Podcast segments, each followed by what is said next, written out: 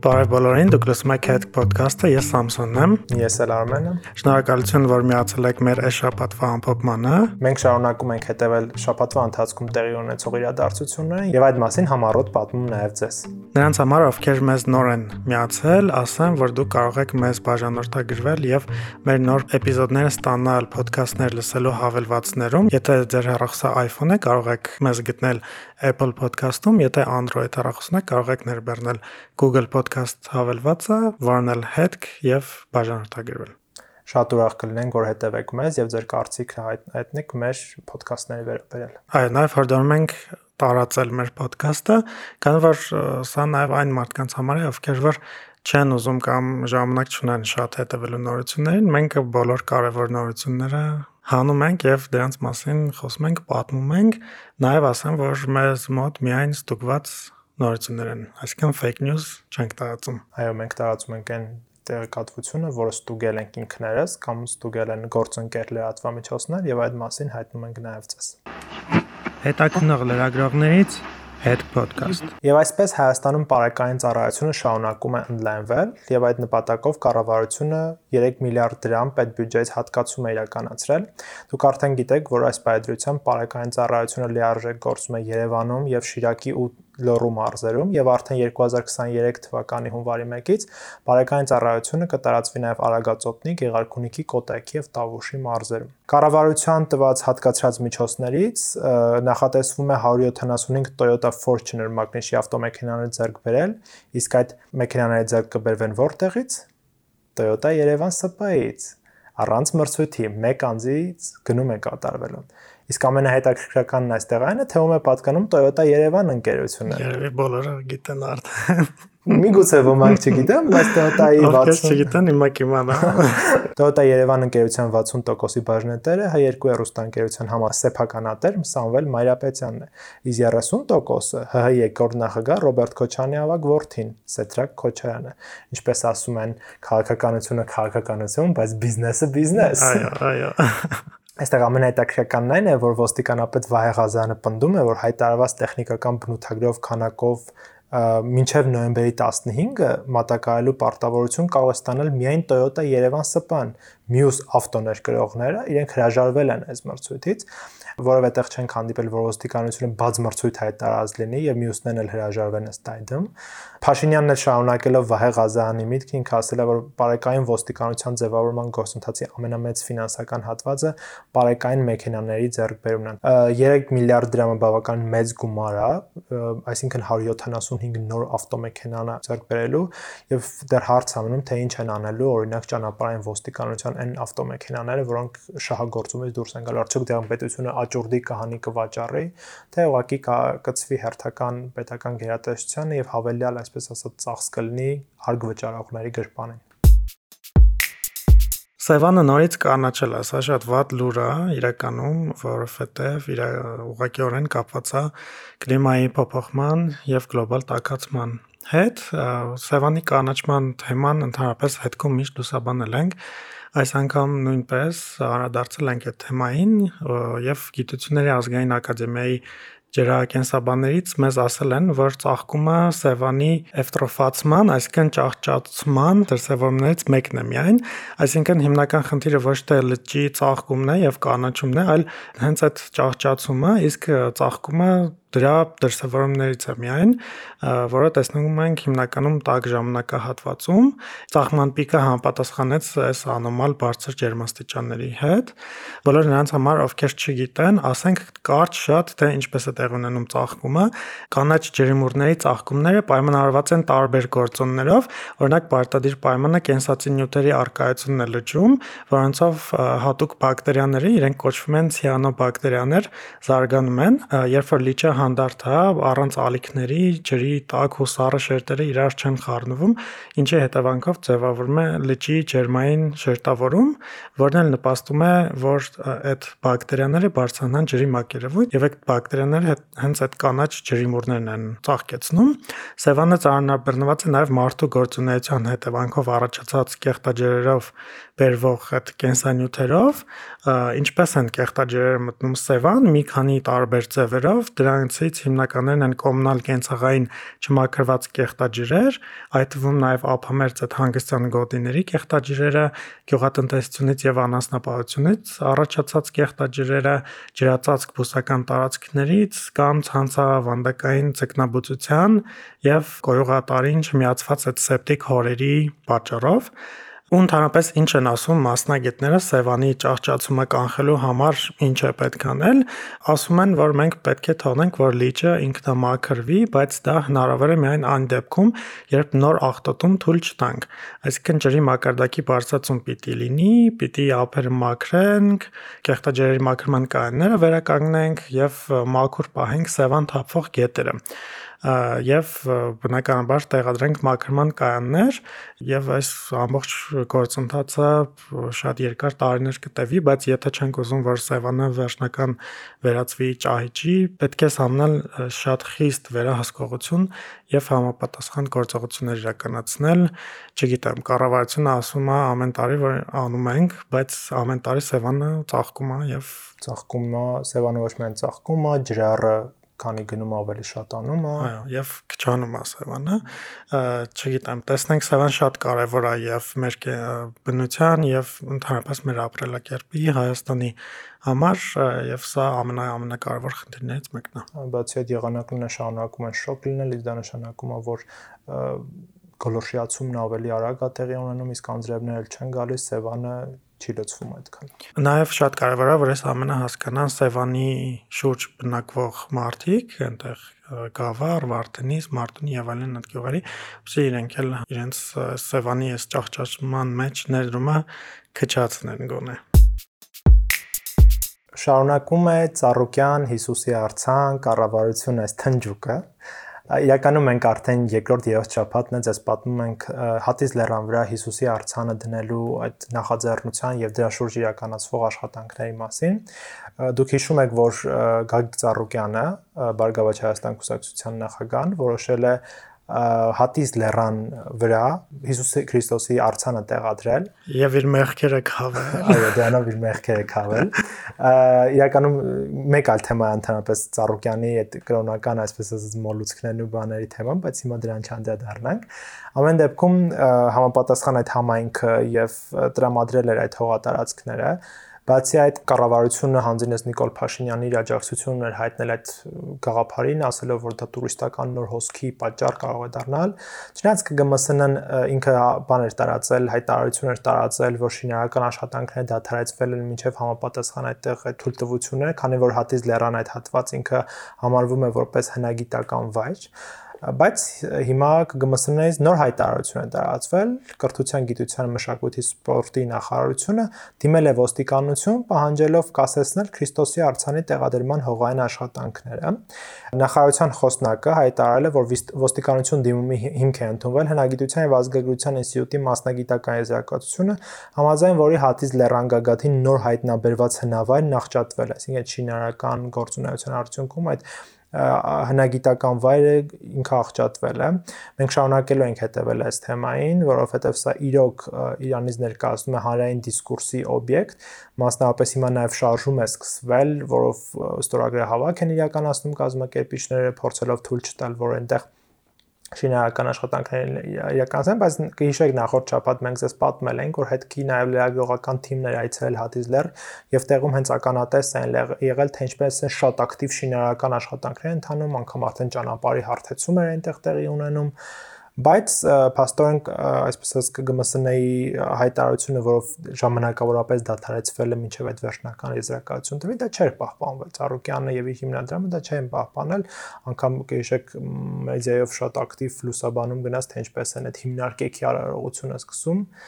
Տեսնենք ինչպես կշարունակվի, ամեն դեպքում հաջորդ շաբաթ եւս մենք կփորձենք հասկանալ, թե ինչ փոփոխություններ են այս գործընթացում տեղի ունեցել։ Այնպես որ եթե ձեզ այս թեման հետաքրքիր է, պարտադիր հետևեք մեզ, լսեք այդ ոդքասթը, բաժանորդագրվեք, մենք ձեզ ամեն ինչ կասենք։ Այս շաբաթ նաև քննարկվում էր Երևանում Աճարյան փողոցի վրա գտնվող Քարի եւ Սիլիկատների գիտահետազոտական ինստիտուտի շենքի ճակատային մասի խճանկարների ոչնչացումը նկարներ էին տարածվել, որ սովետական ժամանակահատվածում կառուցված է շենքի շատ սիրուն խճանկարները այլևս չկան եւ շատերը ասում էին քննարկում էին եւ բնականաբար նաեւ հատիսում Հիսուս Քրիստոսի արցանի կառուցման թեման մարդկան շատ ավելի զգայուն է դարձրել նման թեմաների վերաբերյալ եւ շատ մեծ աղմուկ էր բարձրացել, որ վերացրել են այս խճանկարները, բայց մի քանի օր անց բարձ դարձավ, որ կառուցապատողը պարտավորվել է շինարարական աշխատանքների ավարտին ամբողջականությամբ վերստեղծել շենքի ճակատներում արկա այդ խճանկարները, ասենք որ շենքը կդառնա հասարակական նշանակության բազմաֆունկցիոնալ համալիր, այստեղ շենքը ներառելու է գրասենյակային տարածքներ, խաղասրահ, հանդիպումների սրահներ, նիստերի դալիճ, մանկապարտեզ, սրճարան եւ այլն, այսպես մեծ ադմինիստրատիվ եւ ժամանցային տարածք է լինելու։ Նաեւ հիշեցնենք, որ շենքը մասնավորեցվել է դեռ 2003 թվականին։ Մենք է շենքի մասին հոդված ունենք հետքում, կարող եք գտնել եւ կարդալ, բայց տեսնենք, իրականում չեն մի բան չեն ասում, որ այս խճանկարները 0-ից հավաքելու են նույն օրինակով, թե քանդածը ինչ որ չգիտեմ ոնց են քանդել որ պահպանելու են համարակալել են նույնն են լինելու եւ այլն այս մանրամասներ չեն ասում բայց ամեն դեպքում մենք այս թեմային նույնպես կհետևենք Վարչապետի աշխատակազմի ղեկավարի տեղակալ Բագրատ Բադալյանը իր կնոջ հետ համատեղ տուն է գնել Ամերիկայի Միացյալ Նահանգների Մերիսվիլ քաղաքում։ Սա մենք գրել ենք, երբ որ ուսումնասիրել ենք իր հայտարարագիրը եւ ըստ հայտարարի այդ գործարքը կայացել է 2021 թվականի մայիսին, իսկ անշարժ գույքի արժեքը եղել է 584000 ԱՄՆ դոլար այստեղ հարցը առաջանում որտեղից Բագրատ Բադալյանին այդքան գումար ու բարձում է որ Բագրատ Բադալյանի եկամուտները ավելացել են հատկապես պետական պաշտոններ զբաղեցնելու տարիներին նրան է պատկանում Ճան նախագիծ ինստիտուտ ՍՊ-ի 88.13%-ը այս ընկերությունը ակտիվ մասնակցություն ունի պետական գնումներում հատկապես ճանապարհաշինության ոլորտում Արմենի մոտ նենց տպավորությունը որ ճանապարհաշինության ոլորտը միշտ եղել է եւ կմնա այո պաշտոնյա պաշտոնյաներին հարստացնելու եւ այսպես իրենց սոցիալական ստատուսը բարձրացնելու աղբյուր։ Մեր ընթերցողներն էլ դու էլ հաստատ կհիշես, որ օրինակ հանրապետականների կառավարման տարիներին Հերմինե Նաղդալյանը եւ նրա ընտանիքին պատկանող ընկերությունն էր ճանապարհաշինական այդ process-ն եմ շատ ներգրաված, անգամ այնտեղ մի հատ ապարանի հատվածում ճանապարհ կար ու ինքը շատ արագ, այսպես ասած, շարքից դուրս էր եկել, մեծ քննարկումների առիթ էր դա դարձել։ Այո։ Գրեթե նույն պրակտիկան շարունակվում է նաև հիմա, բոլորդ վստահ եմ լսել եք նաև Ալեն Սիմոնյանի եւ նրա եղբոր հետ կապված ճանապարհաշինականս մեծ թեմաներ։ Դա մի այլ թեմա է։ Այո։ Բայց ամեն դեպքում բարձում է, որ Բագրատ Բադալյանը 2020 թվականի ապրիլի 16-ին այդ ճանաչագից ինստիտուտ ՍՊ-ի բաժնետեր դառնալուց հետո պետական մարմինները եւ համայնքները ընկերության հետ կնքել են ընդհանուր 1 միլիարդ 79 միլիոն 465 հազար դրամի պետական գնման պայմանագրեր համացան համար նշենք, որ մինչև ՍՊԸ-ն Բագրատ Բադալյանի բաժնետեր լինելը 2019-ի հունվարի 1-ից մինչև 2020-ի ապրիլը այդ ՍՊ-ի հետ կնքվել է պետական գնման ընդամենը 1 պայմանագիր 431000 դրամ գնով։ Իսկ 2018-ին 3 պայմանագիր արդեն 11 միլիոն ընդհանուր գնով։ Այսինքն ստացվում է, որ հենց Բագրատ Բադալյանը ձեռք է բերում ավելի շատ բաժն է մասեր։ Իր պատվերների թիվը եւս հաղթած մրցույթների թիվը եւս սկսում է մեծանալ։ Այո, տեսնես ինչից կլիներ։ Այս շաբաթվա քրեական քրոնիկոնը շատ հետաքրքիր եւ շատ այսպես ասած կրեատիվ է։ Ազգային անվտանգության ծառայությունն անօրինական միգրացիայի կազմակերպմամբ զբաղվող հանցավոր խումբ է բացահայտել, որը 20000-ից 26000 ամերիկյան դոլարի դիմաց կազմակերպել է ՀՀ մի շարք քաղաքացիների անօրինական մեկնում նայել երկրներ։ Հատկապես խոսքը այստեղ իհարկե եվրոպական երկրների մասին է։ Շենգենյան, այո, ամեն ինչ այդքան այսպես ասած կրեատիվ չէր լինի, եթե չպարզվեր դրա այսպես ասած այդ քաղաքացիություն այսպես ասած ստանալու կամ անօրինական մեկնելու մեթոդը։ Խմբի անդամները մի շարք անձանց տվել են նախապես մշակված տեքստեր այն մասին, թե իբր Հայաստանի Հանրապետությունում 2018 թվականից հետո գործող իշխանությունների կողմից քաղաքական ճնշումներ են սկսվել հանրապետական կուսակցության անդամների եւ նրանց աջակիցների նկատմամբ, որի արդյունքում չեն դիմացել հալածանքներին, հետապնդումներին եւ հարկադրված լքել են հայրենիք։ Այսինքն այս մարդկանց մարդիկ սկսել են կեղծ հանդես գալ որպես հանրապետական կուսակցության ներկայացուցիչներ, որոնց իրենց քաղաքական հայացքների համար ԿՊ-ն, որ եկավ իշխանություն 18 թվականին, սկսել է հալածել եւ իրենք ստիպված Հայաստանը լքում են եւ փորձում են ապաստան ստանալ կամ անօրինական ճանապարհով քաղաքացիություն ստանալ այդ երկրներում։ ՀՀԿ հալածյալների Այո, ՀՀԿ հալածյալների այս նյութը պատրաստելիս հետաքրքիր այսպես ասած վերնագիր ենք դրել սրան ՀՀԿ հալածյալները, ճակերտների իհարկե մեջ, չնայած մի մասը կարող է եւ հանրապետական կուսակցության իրոք ներկայացուցիչներ են, բայց ամեն դեպքում ճակերտների մեջ դնենք ՀՀԿ-ն նախապես մշակված տեքստերում հատուկ շեշտադրումներ են կատարվել այն մասին, որ քաղաքական հայացքներով պայմանավորված այս անձանց կյանքին ու ազատությանը վտանգ է սպառնում։ Նրանք կորցրել են իրենց բիզնեսը, այլ մտածածին կեղծ տեղեկություններ, հայցելով այդ օտերեկրյա կառավարությանը քաղաքական ապաստան տրամադրել իրենց։ Իհարկե մեր ազգի մոտ, այսպես ասած, շուտվանից կա այդ առիթը գնալ հանձնվելու եւ ապաստան ստանալու, բայց շատ կրեատիվ, այսպես ասած, մեթոդ է, որը կիրառել է այս հանցավոր խումբը մարդկանց անօրինական միգրացիան ապահովելու համար 5+ կրեատիվ գաղափարի համար գնահատեցին այո կատարումը բայց փաստորեն 2 այո կատարումը 2 որովհետև հիմա նստած են բոլորը Պոդքասթի վերջին հատվածում մենք միշտ անդրադառնում ենք այդ շփաթ տարածաշրջանում եւ միջազգային հարթակներում տեղի ունեցող կարևոր իրադարձություն, բայց այս անգամ հիմնական շեշտադրումը դրել ենք մեր տարածաշրջանի վրա։ Նախ բոլորդ ինչպես հիշում եք, նախորդ շաբաթվա վերջ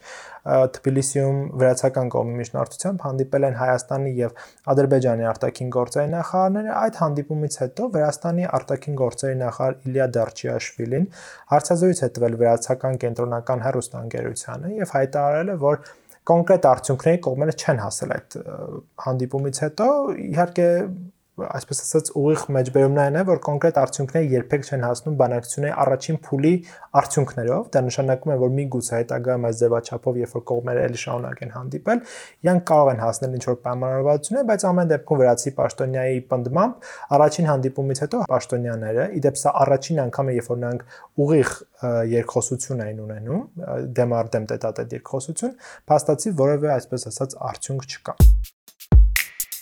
Բացի այդ նաև շփաթը հետաքրքրական է նրանով, որ հերթական անգամ Մևլութ Չավուշօղլուն վերահաստատեց, որ Թուրքիան Հայաստանի հետ հարաբերությունների կարգավորման տեսանկյունից իր գործողությունը միշտ համաձայնեցվում է Բաքվի հետ։ Ով զարմանար, հա։ Այո, զարմանար։ հա։ Ինքը նախ ասել է, որ իրենք կոնկրետ քայլեր են ցանկանում տեսնել Հայաստանից, որ իբր պատերազմից հետո Ադրբեջանը եւ Թուրքիան կառուցողական են իրենց մոտեցումներում, իրենք անկեղծ են անգամ իրենց ցանկություններում եւ հիմա իրենք սպասում են, որ Հայաստանը պետք է կոնկրետ քայլեր ձեռնարկի, որ հա, այսպես ասած կարգավորվեն հայ-թուրքական հարաբերությունները։ Նա հիշատակել է նաեւ Փաշինյան-Էրդողան կայացած հեռախոսազրույցը նշելով, որ Էրդողանը իր տեսակետն է ներկայացել Փաշինյանին։ Ես մոտավորապես պատկերացնում եմ, թե ինչ է ասել Էրդողանը։ Էրդողանն ասել է. Ադրբեջանի հետ ցանկացած պայման նոր պայմանավորվածության կամ զիջման դիմաց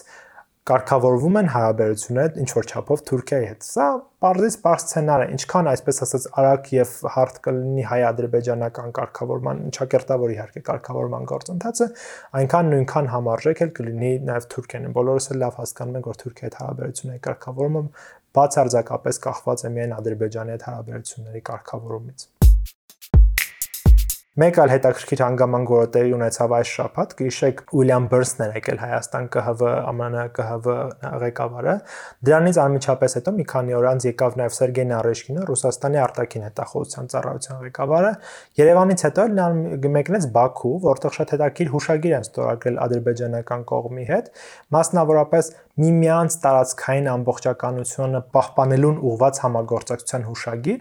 ինչը նշանակում, որ Ադրբեջանը եւ Ռուսաստանը միմյանց հետախուզական մարմինների մակարդակով օգնելու են տարածքային ամբողջականությունը պայելու։ Սա ադրբեջանական թեզ է։ Գիտենք Ղարաբաղյան հարցում միշտ Ադրբեջանը սեփական տարածքային ամբողջականության թեզն է առաջ քաշել, եւ հիմա սա արդեն բացահայտ նշանակում է, որ ռուսական կողմը ճիշտ է երբեք ինքը չի ཐակցել, որ ինքը աջակցում Ադրբեջանի տարածքային ամբողջականության, կամ Պուտինն ասել, որ Ղարաբաղը պատկանում է Ադրբեջանին, բայց սա նաեւ հետախուզական մակարդակով եւս մեկ այսպես ասած ամրագրում էր մեր ռազմավարական դաշնակցի եւ թիվ 1 հակառակորդ պետության միջև։ Նաև կարծում եմ, որ Ռուսաստանը փորձում է ինչ-որ քայլեր ձեռնարկել, որովհետև Եվրոպական միությունը փորձում է Ռուսաստանից էներգետիկ կախվածությունը փոխարինել մեկ այլ պետությունից էներգետիկ կախվածությամբ, որն էլ Ադրբեջանն է, եւ հանդիպեցին չէ շաբաթ այո Ուրսուլա ֆոն դեր Լայնն եկել է Բաքու։ Մենք իդեպ մեր ոդքասթ լսողներին հաջորդ շաբաթ պատմենք թե ինչքանով կարող է Ադրբեջանը փոխարինել, իրականում Ադրբեջանը չի կարող Ռուսաստանին փոխարինել, անկամ եթե Թուրքմենստանը միանա դրան, եւ կասենք հաջորդ շաբաթ թե որն է երկիրը, որը կարող է ինչ որ չափով գոնե որոշակիորեն, այսպես ասած, այդ ռուսական գազի հնարավոր անջատման պարագայում այլ ընտրանք դառնալ Եվրոպայի համար մեկ այլ կարևոր իրադարձություն, որտեղ նաև անմիջականորեն շոշափվեցին Հայաստան եւ Արցախյան հիմնախնդիրը, այս շաբաթ Թեհրանում հանդիպել են Պուտինը, Էրդողանը եւ Ռայիսին։ Իհարկե հանդիպման հիմնական թեման սիրիական հիմնահարցներ, գիտեք, որ Թուրքիան այսպես ասած նախապատրաստվում է Սիրիայի հյուսիսում հերթական գործողությունն անելու, իրականում քրդերին հերթական անգամ, այսպես ասած, պատժիչ գործողություն, բայց այդտեղ շատ հետաքրքիր էր, երբ որ Թուրքիայի նախագահ Էրդողանը հանդիպեց Իրանի հոգևոր առաջնորդ Ալի Խամենեիի հետ, նախ Ալի Խամենեին ճիշտ է ողջունեց, այսպես ասած, որ Իրան ուրախ է, որ Ադրբեջանը իր տարածքային ամբողջականությունը վերականգնել է, բայց ասաց, որ իրենք դեմ կլինեն, եթե Թուրքիան եւ Ադրբեջանը փորձեն փակել Իրանն եւ Հայաստանը միմյանց կապող այդ ճանապարհը կամ ընդհանրապես Իրան-Հայաստան կապը միմյանց հետ, որովհետեւ դա հազարամյակներով գործող ճանապարհ է։ Ինչը Իրանը իրականում բազմիցս ինքը ասել է, որ Հայաստանի սահմանների խախտումը բուն Հայաստանի Հանրապետության ինչ համար կարմիր գիծ է եւ եթե հանկարծ դա խախտվի, դա իր համար այսպես ասած ակտիվ գործողությունների անցնելու խթան կհանդիսանա։ Ինչպես գիտենք, Թեհրանը մանավանդ վերջին մի քանի ամսվա ընթացքում անընդհատ Սյունիքը Հայաստանը եւ վերջ ակցիաներ Արցախը մի կողմ, բայց Սյունիքը Հայաստանը։ Այո, պարտադիր Հայաստանը եւ վերջ։ Եվ վերջում կարճ լուրեր, ավտոմեքենաների եւ անշարժ գույքի առողջարքի գործընթացում քաղաքացիներից այլևս չի պահանջվում փաստաթուղթ, որը բոլորս գիտենք որպես զրոական տեղեկանք, պարտավորությունների վերաբերյալ այդ տեղեկանքն է, հիմա ամբողջ երևում է on-line։ Ես իմ օրինակով կարող եմ ասել, որ վերջերս մեքենայից գույքահարկն եմ վճարել եւ այդ գույքահարկի վճարման տեղեկանքը ինձ պետք չեկավ, on-line կա, ոնց որ շատ լավ բան է։ Եթե նախկինում մոպեդ վարելու համար վարորդական իրավունք պետք չէր, ապա հիմա մոպեդ կարելի է վարել բացառապես վարորդական վկայականի նոր AM ենթակարգ ունենալու դեպքում, սա հատկապես մոպեդ ունեցող մարդկանց համար է կամ ովքեր որ պատրաստվում են մոպեդ գնել, հետաքրքիր է, եթե վարորդական իրավունք ընդհանրապես չունես եւ միայն մոպեդ ես քշում, պիտի գնաս եւ մոպեդի համար քննություն անցնես։ Ինձ թվում է հաջորդ քայլը մոպեդների համար նաեւ պետք է համարանի շանելն է դառնալու։ Այո։ Այնպես որ իմացեք, հանկարծ դες ոստիկանություն չկանգնացնի եւ վարորդական իրավունք ուզի, դուք էլ ասեք ինչ վարորդական իրավունք։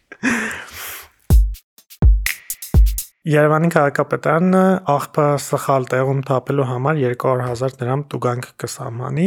Այժմ տուգանքը 50.000 դրամ է։ Ես հուսով եմ սա կլսեն մեր շենքի մոտ աղբ թափող մարդիկ, որովհետև